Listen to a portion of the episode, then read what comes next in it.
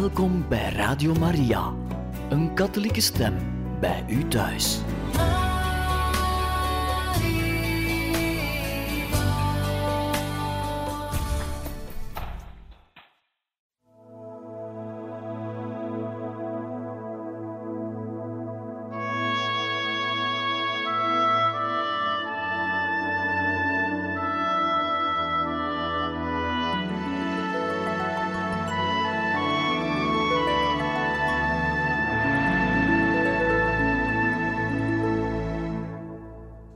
Beste luisteraars van Radio Maria, hartelijk welkom in dit programma Heilige Getuigen, waar wij verder gaan met de lezing van het boek De Wenende Maagd van La Salette, geschreven door Ewaard de Vleeschouwer. Vorige keer hebben wij het gehad over de verschijning zelf, en we gaan nu verder met hoofdstuk 5, nog steeds de verschijning, maar dan bij het onderwerp de hemelvaart. De ogen van de kleine duizelen nog steeds in een weelde van licht, kleuren en tinten, geschakeerd tot in het oneindige. Al hun vermogens staan strak gespannen op die hemelse verschijning. Plots keert de dame zich links om en gaat een paar stappen verder, zodat Maximin wat moet achteruitwijken om haar doorgang te verlenen. Er ligt een onschatbare rijkdom in dat schouwspel, een betoverend spel van schittering en vuur. Nog eenmaal kunnen de kinderen haar minnelijk aangezicht van dichtbij bewonderen. Dan zweeft ze over het bergbeekje, de Cesia, waar haar voet even een hoekige steen raakt, die dof in het water plonst. Enkele passen over het beekje houdt ze stil juist alsof ze door tijd en ruimte heen tot onzichtbare wezens spreekt, herhaalt ze nogmaals de dringende woorden van haar hemelse zending. Welaan, mijn kinderen, maakt deze boodschap aan gans mijn volk goed bekend. Het zijn haar laatste woorden. Haar koninklijke gestalte raakt de toppen van het gras dat onder haar gewicht niet beweegt.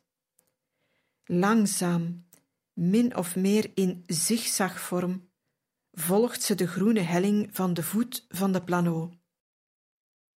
Het aureool van schittering en glans omgeeft nog steeds haar gracieuze gestalte.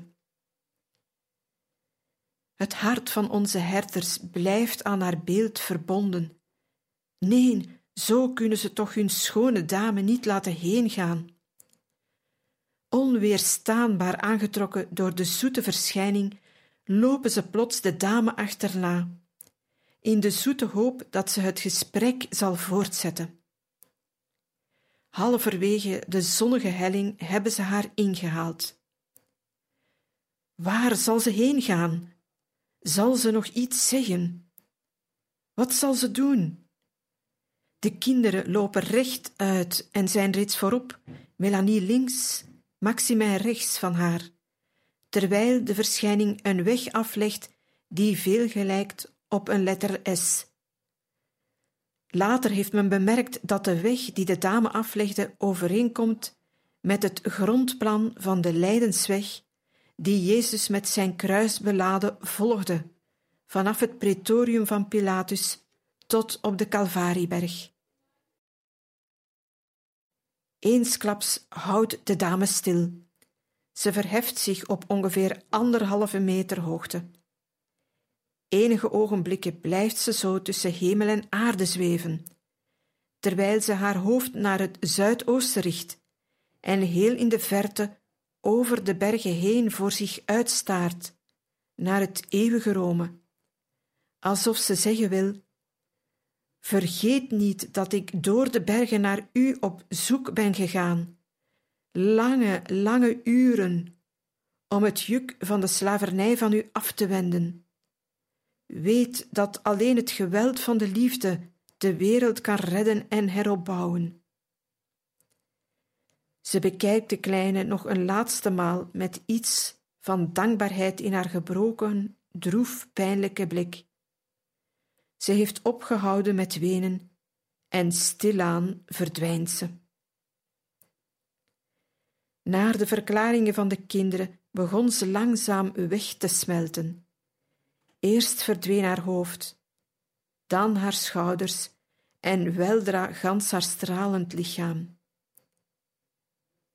Haar voeten met zilveren schoenen, gouden gespen en kleurrijke glinsterende welriekende rozen bleven nog zichtbaar. Maximin zou van de schone dame toch een aandenken willen. Met uitgestoken hand springt hij gretig vooruit, om een van die heerlijke rozen van haar schoenen te plukken. Maar hij grijpt in de lucht. Zijn hand blijft leeg.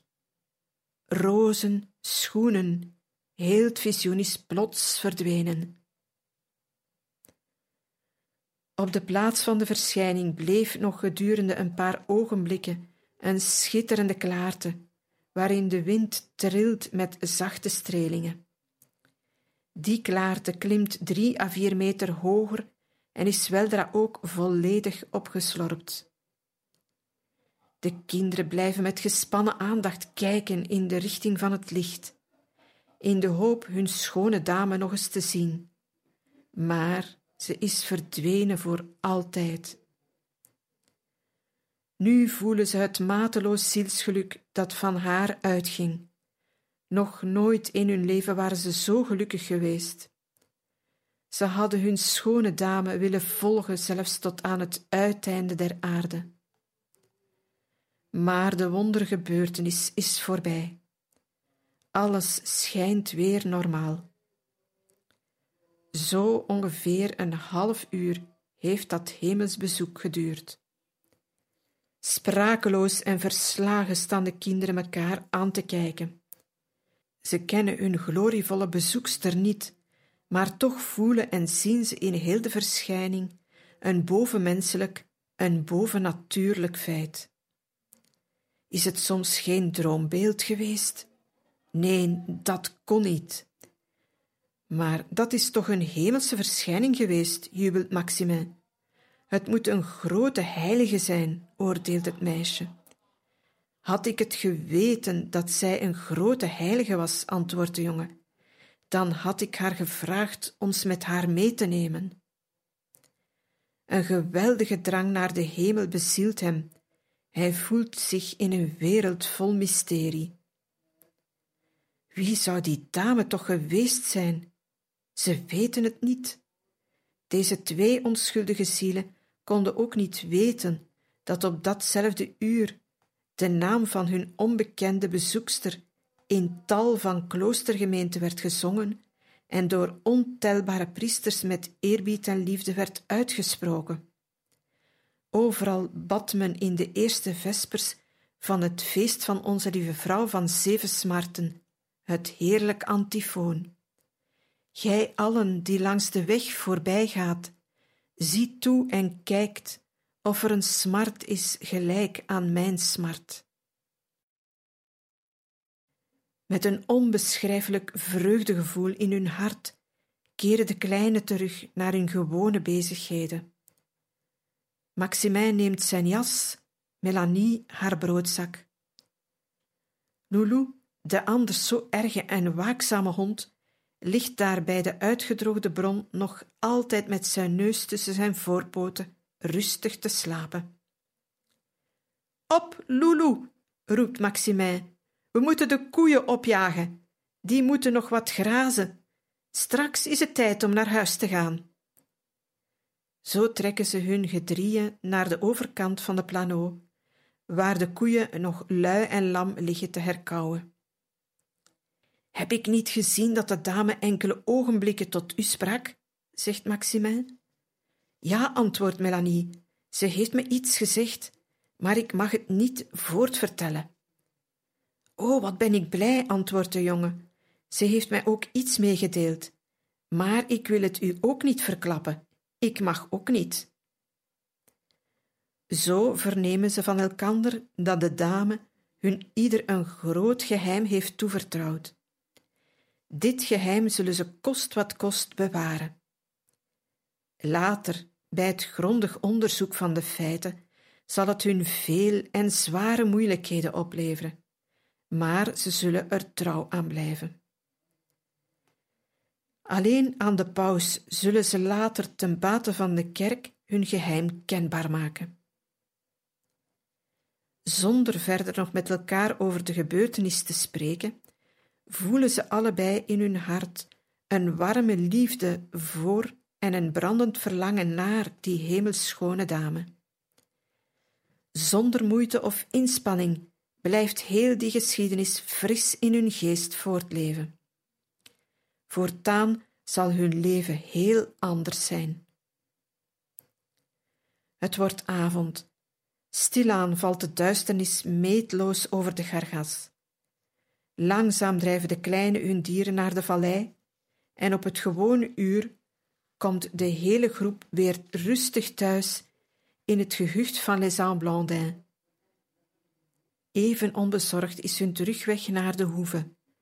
Wel is hun hart doorstraald van innige vreugde, maar ze doen alsof er niets is gebeurd, alsof in hun leven niets is veranderd, alsof ze niets anders moeten zijn dan eenvoudige koewachters in deze ongekende, uitgestrekte bergen, alsof er nooit iemand aan hen zal denken.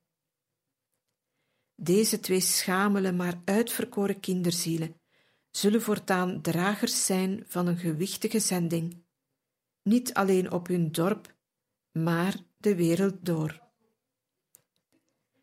Twee simpele kinderen zullen massa's vurige pelgrims naar de hoogte van La Salette brengen.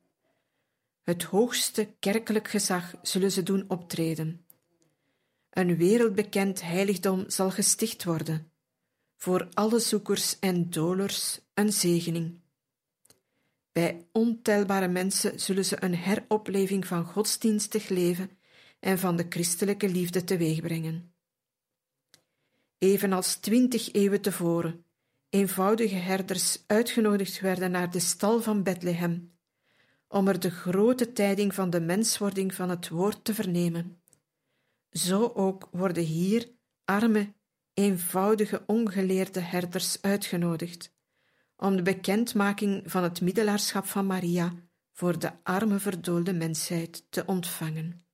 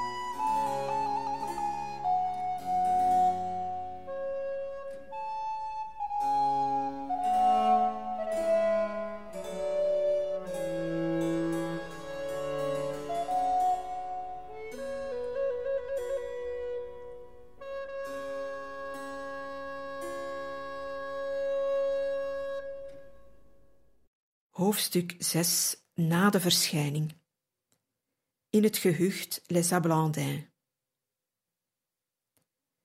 Na die bewogen namiddag kwamen de kinderen met hun kudde weer thuis. Pieter Selme hoort het belgerinkeld van de naderende koeien en staat op de hoeve de kleine groep af te wachten. Herhaalde keren heeft hij die namiddag naar zijn weiland op de plano uitgezien maar nergens heeft hij Maximin of de koeien kunnen bespeuren.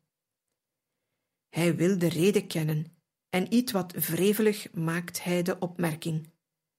Wel, Memin, sedert deze middag heb ik u niet meer gezien. Waar hebt ge gezeten?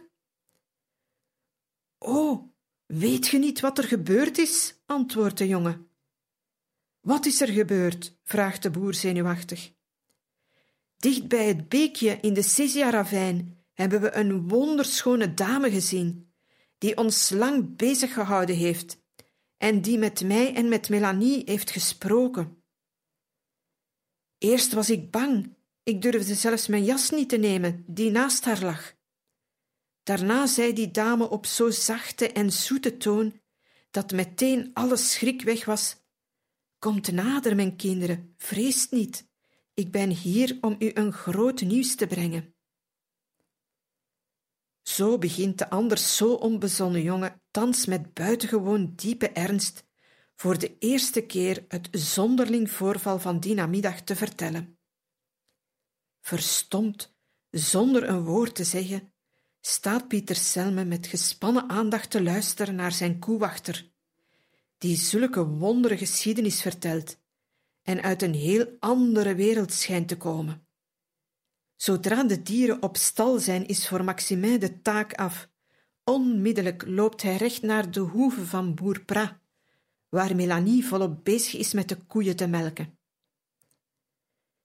Gejaagd stormt hij de keuken binnen, waar grootmoeder Pra hem ontvangt met delicate liefde, zoals grootjes dat kunnen, terwijl hij uitroept: Moeder Pra, zag u ook die heerlijke mooie dame, omstraald van een hevig licht als een gloed van vuur?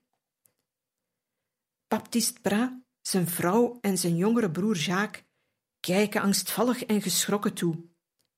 Wat vertelt die kleine? Maximin bekommert zich niet om de indruk die hij maakt. Hij wil alleen een antwoord op zijn uitbundige vraag. Grootje Pra neemt zijn hoofd liefkozend in haar eeltige hand. Nee, Maximin, waar zag u die vrouw?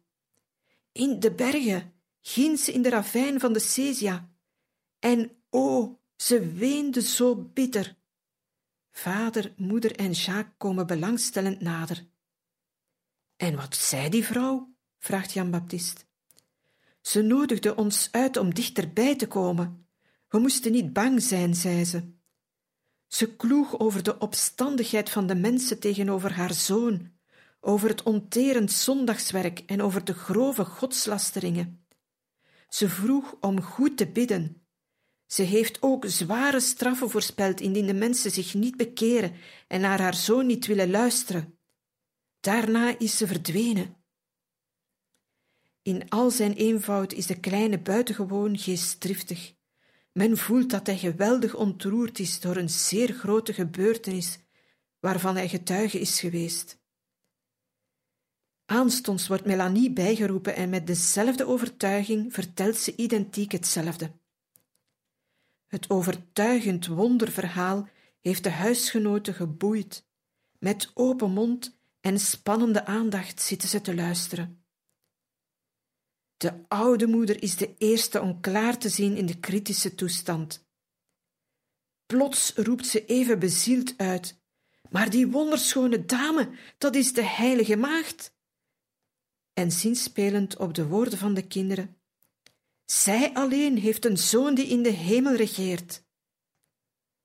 Daarna valt ze uit tegen haar jongste zoon Jacques. Hebt je het gehoord wat de heilige maagd gezegd heeft? Zult ge nu nog zondags gaan werken? Wrevelig wil Jacques zich verontschuldigen. Och, zegt hij flegmatiek en onverschillig, hoe wilt gij dat de heilige maagd verschijnt aan een meisje dat niet eens bidt? Werkelijk, Melanie kende nog godsvrucht, nog vroomheid. Het arme kind wist niet wat bidden was. Nooit had ze contact met God en eigen ziel gezocht en nimmer had ze het geleerd. Bliksemsnel verspreidt het nieuws van de verschijning zich door gans het gehucht.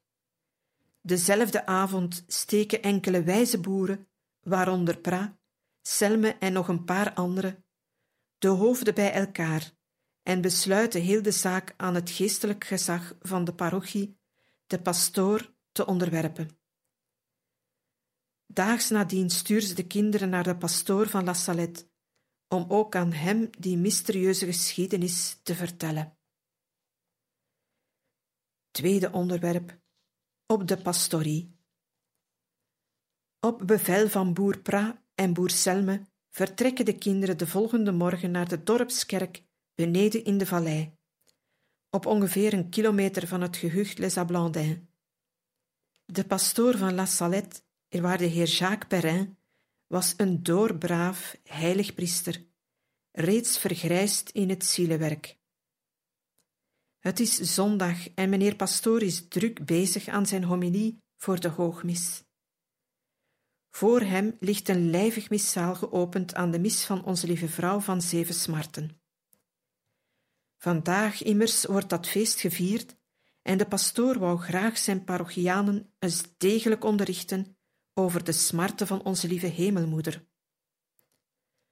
Plots wordt hij in zijn studie gestoord door het vallen van de klopper op de buitendeur. Even staakt hij zijn werk. De huishoudster, die door de jaren trouwe dienst reeds ingeburgerd is in het zielenwerk op de parochie, haast zich met wrevelig gezicht naar de deur. Wie zou er in Semels naam meneer pastoor komen lastigvallen, juist voor de hoogmis, nu hij zo druk bezig is met zijn sermoen? Ze zal die onbeschofte bezoekers eens de les spellen. Vol verontwaardiging snokt ze de deur open. Twee kinderen. Ze bekijkt en bekeurt hem van onder tot boven. Kort en bars klinkt haar antwoord. Meneer Pastoor heeft nu geen tijd om zich met kinderen bezig te houden. Je moet maar op een andere keer terugkomen als hij het niet zo druk heeft. Vlug wil ze de deur dichtslaan, maar Maximin staat reeds een stap te ver naar binnen. Hij wil niet terug en vraagt met aandrang naar de pastoor. Het is voor een zeer dringende boodschap, zegt hij kalm en kranig. De meid, een tikje nieuwsgierig van aard, zoals de meeste pastoorsmeiden, zou graag de reden kennen van dat ongelegen en dringend bezoek. Kunt ge het aan mij niet zeggen wat je aan meneer pastoor te vertellen hebt? Ik zal hem dat wel overmaken. Met gefronste wenkbrauwen en brandende nieuwsgierigheid staat ze hen aan te kijken. Wat verlegen bekijken de kinderen elkaar. Een onrustige, wantrouwige blik flikkert in hun ogen. Wat zullen ze doen? De meid staat te trippelen van ongeduld en nieuwsgierigheid. Met dominerende blik bekijkt ze hen in de flikkerende ogen. Beter het maar aan haar te vertellen dan onverrichter zaken naar huis te moeten omkeren. Vooruit dan maar. Onbevangen en vol geestdrift verhalen onze twee gelukkige kinderen hun geschiedenis aan de nieuwsgierige juffer. Met haar handen in de heupen en een spotlach op de lippen, staat ze daar ongelovig het hoofd te schudden. Vier heerlijke blauwe kijkers stralen in haar doffe ogen. Welke kinderachtige onnozelheid! Fantastische dromerij zonder gestalte en zonder inhoud, denkt ze. Moet meneer Pastoor nu zijn kostbare tijd besteden aan zo'n prullen? Diep verontwaardigd is ze juist sinds de twee bengels spelen te zenden, wanneer er een deur opengaat en meneer Pastoor in eigen persoon voor haar staat. Ze schrikt bij zijn brusk verschijnen. De brave dorpsherder heeft in zijn aangrenzende studeerkamer een en ander van het wonderverhaal afgeluisterd. Hij voelt er zich door getroffen. Hij brengt de kleine in zijn studeerkamer en gaat aan zijn schrijftafel zitten. Ik heb amper maar een paar zinnen van uw verhaal kunnen horen, zegt hij. Vertel me nu eens klaar en duidelijk wat gij ginds in de bergen gezien en beleefd hebt. Vol spannende bezieling verhalen Maximin en Melanie beurtelings de geheimnisvolle geschiedenis van de beeldschone dame. Het eenvoudig, maar boeiend verhaal van de kinderen slaat bij de pastoor diep in. Erg onder de indruk neemt hij zelf enige notas, met tranen van stille aandoening in zijn ogen. Hij luistert aandachtig. Alles in die kinderen spreekt van eenvoud, oprechtheid en blijheid. Wel, wel, mijn kinderen, wat zijt gij gelukkig! Even zucht hij, terwijl hij zijn ogen half dichtknijpt en zijn voorhoofd rimpelt, alsof hij zelf in een droombeeld die schone gestalte ziet. Het kan niet anders, het is onze lieve vrouw die gij ginds in de bergen gezien hebt, roept de grijze priester uit. Hij ook voelt zich overgelukkig. Er gebeurt een hele omwenteling in zijn ziel. De diepe rimpels tekenen zich nog duidelijker af op zijn bruin gevlekt voorhoofd. Ja, hij hecht een sterk en levendig geloof aan het verhaal van de kinderen. Hij is er heel en al door ingenomen. Zijn zondagshomilie laat hij liggen, terwijl een groot verlangen hem bezielt. Het wordt tijd voor de hoogmis. Veel vuriger dan ooit staat de heilige priester aan de voet van het altaar. Hij is boordevol van God en Maria. Blijheid en weemoed overweldigen zijn ziel, en veel vuriger dan anders klinken de rouwmoedige woorden van het confiteor. Mea culpa, mea culpa, mea maxima culpa. Met aandoening in zijn stem bidt hij de heerlijke sequentia Stabat Mater Dolorosa uit de mis van het feest van de dag.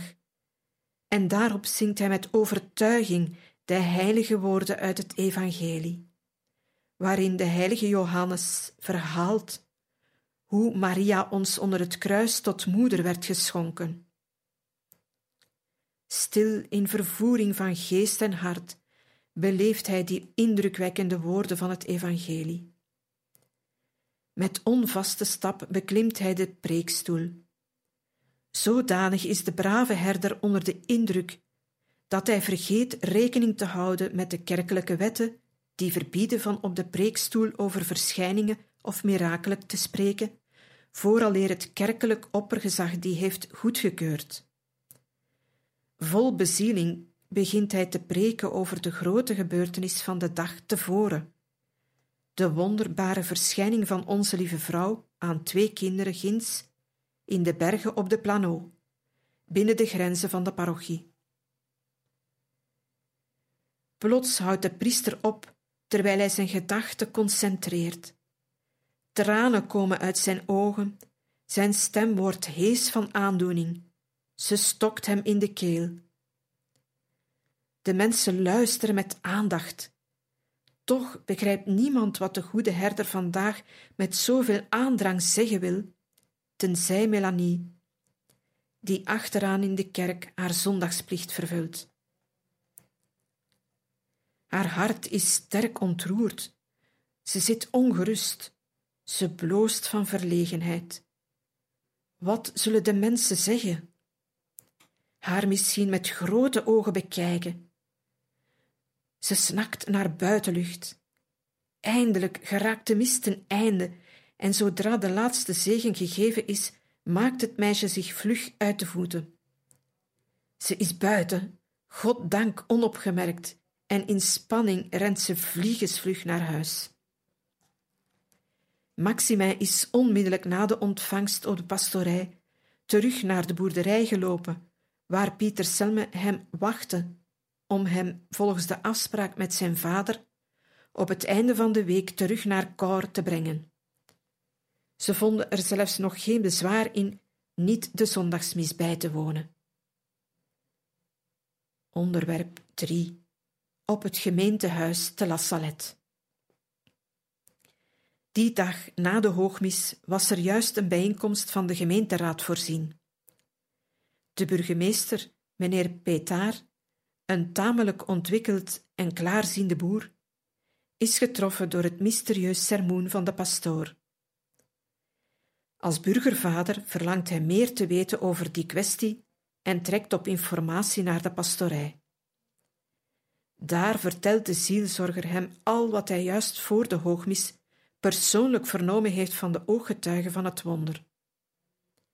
De burgemeester schijnt min of meer overtuigd van de echtheid van die feiten. Maar toch kan hij het moeilijk aannemen. Vandaar trekt hij naar de zitting van de gemeenteraad. Verschillende belangrijke punten moeten worden besproken. maar vandaag worden die allen naar het achterplan geschoven.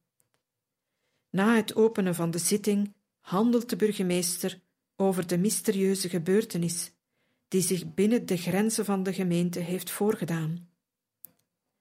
Deze aangelegenheid wordt druk besproken. De gemeenteraadsleden tonen zich stijfhoofdig en nemen heel die zaak niet zeer ernstig op. De burgemeester bekommert zich weinig om het oordeel of de opinie van de aanwezigen. Het mocht wel eens echt zijn. Wat dan? Als hoofd van de politie voelt hij zich verantwoordelijk.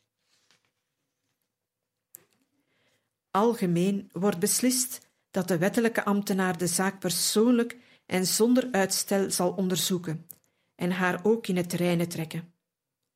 Het gaat toch over een kwestie van algemeen belang. Nog diezelfde namiddag, na de vespers en het lof, voelt hij zich als magisch aangetrokken naar Les Ablandins, om een eerste persoonlijk contact te nemen met Melanie. Als flink en vooruitziend zakenman neemt hij zijn voorzorgen en steekt een beurs met klinkende goudstukken op zak. Die zullen me nog wel in die zaak van pas komen, oordeelt hij, terwijl hij allerhande plannen beraamt. Drie uur lang houdt hij het meisje onder spervuur. Tot driemaal toe laat hij haar de gebeurtenis van A tot Z vertellen.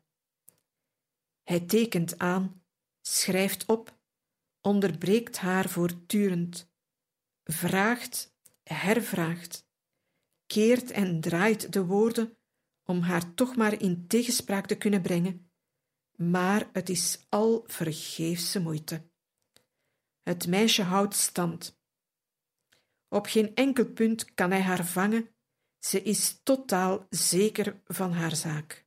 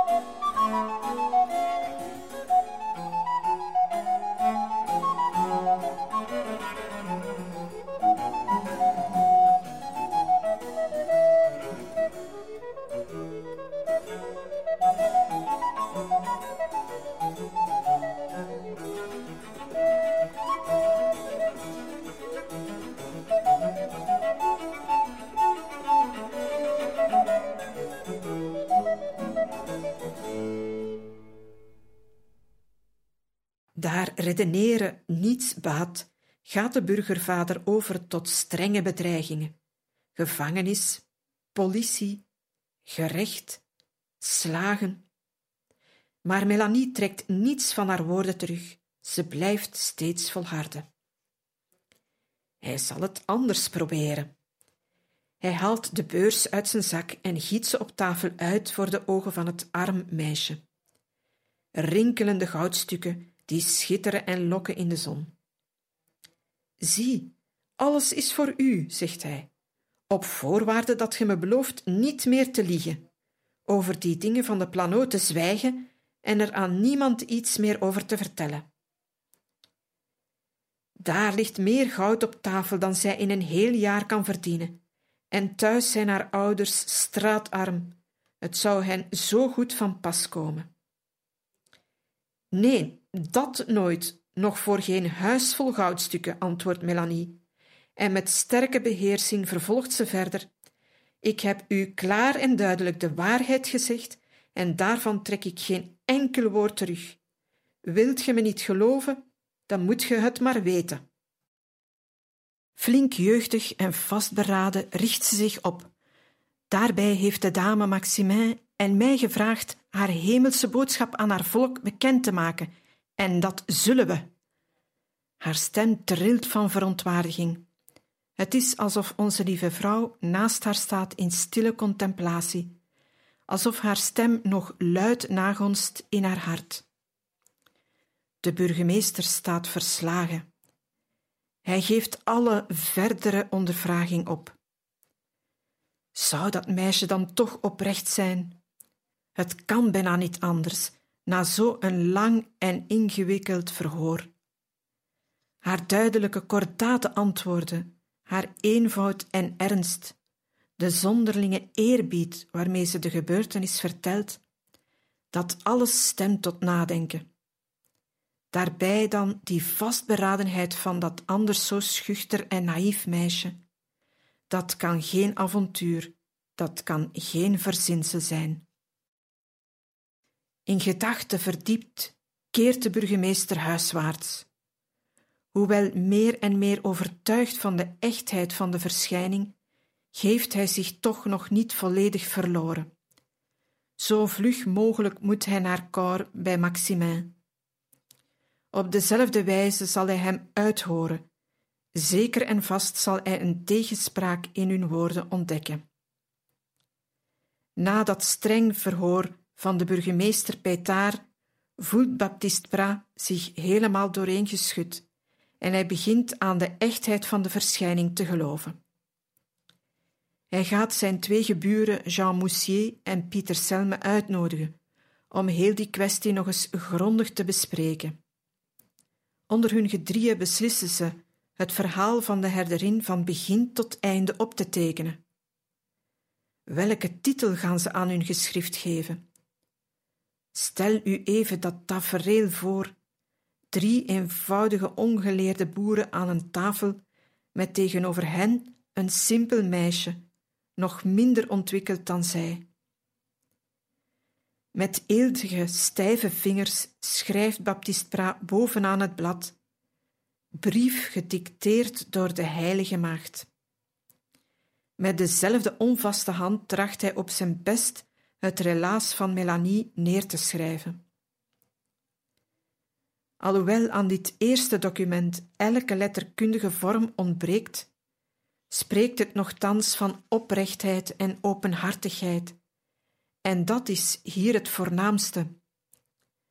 Dit eerste geschreven verhaal, door drie handtekeningen bevestigd, wordt het eerste authentiek document over de verschijning van onze lieve vrouw te La Salette. Onderwerp 4 bij Maximin te Cor. Toen Maximin van zijn onderhoud met meneer Pastoor op de hoeve terugkwam, waren zijn meesters een korf aan het vullen met boter, kaas en eieren. Zoals overeengekomen met de wagenmaker, zou boer Selme vandaag de kleine terug naar huis brengen. Voor negen uur zijn ze reeds op weg naar Cor, rechtstreeks naar het huis van de familie Giraud. In de dorpskom kwamen ze de mensen tegen uit de laatste mis. Zoals naar gewoonte zit vader weer in de herberg. De stiefmoeder, uiterst tevreden over het rijk weekloon van de kleine, ontvangt hen zeer vriendelijk.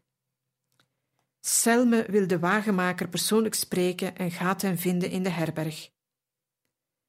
Na een wederzijdse vriendelijke goedendag vertelt de boer hem over zijn zoon, dat er hem een groot geluk is gebeurd. Een groot geluk, zegt vader. Wat kan dat zijn?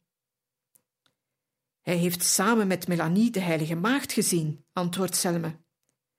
De Heilige Maagd gezien? Welke dwaasheid, roept Giraud spottend. Mijn kind heeft de Heilige Maagd gezien. En jij gelooft dat. Daarop barst hij uit in een venijnige spotlach, gevolgd door al zijn drinkenbroers. Selme, onthutst door de manier waarop hij daar in dat gezelschap onthaald wordt, verandert vlug zijn gesprek van onderwerp, maakt korte metten en trekt terug de weg op naar Les Ablandins. Intussen tijd vertelt Maximin de wondergeschiedenis van de schone dame aan zijn stiefmoeder en aan grootmoeder. Deze twee zijn er ten zeerste door gevleid. Ze zorgen ervoor dat in een omzien gans Kor ervan op de hoogte komt. Weldra stroomt hun huis vol nieuwsgierigen. Heel de dag door is het komen en gaan, en Maximin moet vertellen tientallen keren hetzelfde. Hoe graag was hij er weggevlucht om met zijn kameraadjes, die hem een week gemist hadden, te gaan ravotten. Iedereen is getroffen door zijn ernst en eerbied. Heel zijn uiterlijk spreekt van eenvoud en oprechtheid. In de late avond komt de wagenmater met veel lawaai bedronken thuis. De jongen, moe van al dat vragen en antwoorden, ligt reeds vast ingeslapen. Vader, slecht en vies geluimd, haalt onmeedogend de kleine uit zijn bed. Hij wil het fijne weten van die belachelijke historie waarmee zijn drinkenbroers hem de hele dag hebben geplaagd. Moe en slaperig moet de jongen voor de zoveelste maal zijn verhaal herbeginnen. Op zeker ogenblik voelt de wagenmaker zich door de woorden van de dame gekwetst. Hij schiet uit, vloekt en tiert, laat de kleine zitten en trekt naar zijn bed. Dit was nog maar het begin. De verdere strijd zou niet lang uitblijven. Beste luisteraars, we beëindigen hier voor vandaag deze lezing uit het boek De Wenende Maagd van La Salette en zullen volgende keer verder gaan met hoofdstuk 6 na de verschijning en het vierde onderwerp bij Maximin de Cor. We hopen dat deze lezing u veel genade heeft verleend. Wensen u nog een gezegende avond toe en tot een volgende keer.